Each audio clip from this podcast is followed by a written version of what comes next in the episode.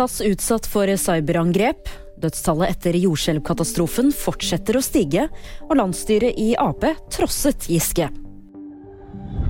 Nettsiden til SAS ble tirsdag ettermiddag utsatt for et cyberangrep. Ved sjutiden så var det derimot mulig å komme inn på nettsiden igjen. Flyselskapet hadde også problemer med appen og oppfordret kunder om å ikke logge inn i den. Innloggingsproblemene ser nå ut til å være løst, men personopplysninger har kommet på avveie. Over 41 000 mennesker er bekreftet døde i jordskjelvene i Tyrkia og Syria. Jordskjelvene i de to landene er den verste naturkatastrofen som har rammet Europa på 100 år, ifølge Verdens helseorganisasjon.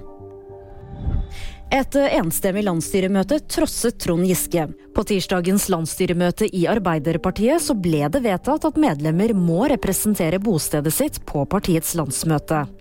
Dermed så vil utenbys medlemmer i Giskes lokallag i Trondheim ikke regnes med når delegater fra Trøndelag velges til Ap-landsmøter. En slik endring vil i praksis gi Giskes lokallag langt mindre makt. Det var VG nyheter, og de fikk du av meg, Julie Tran.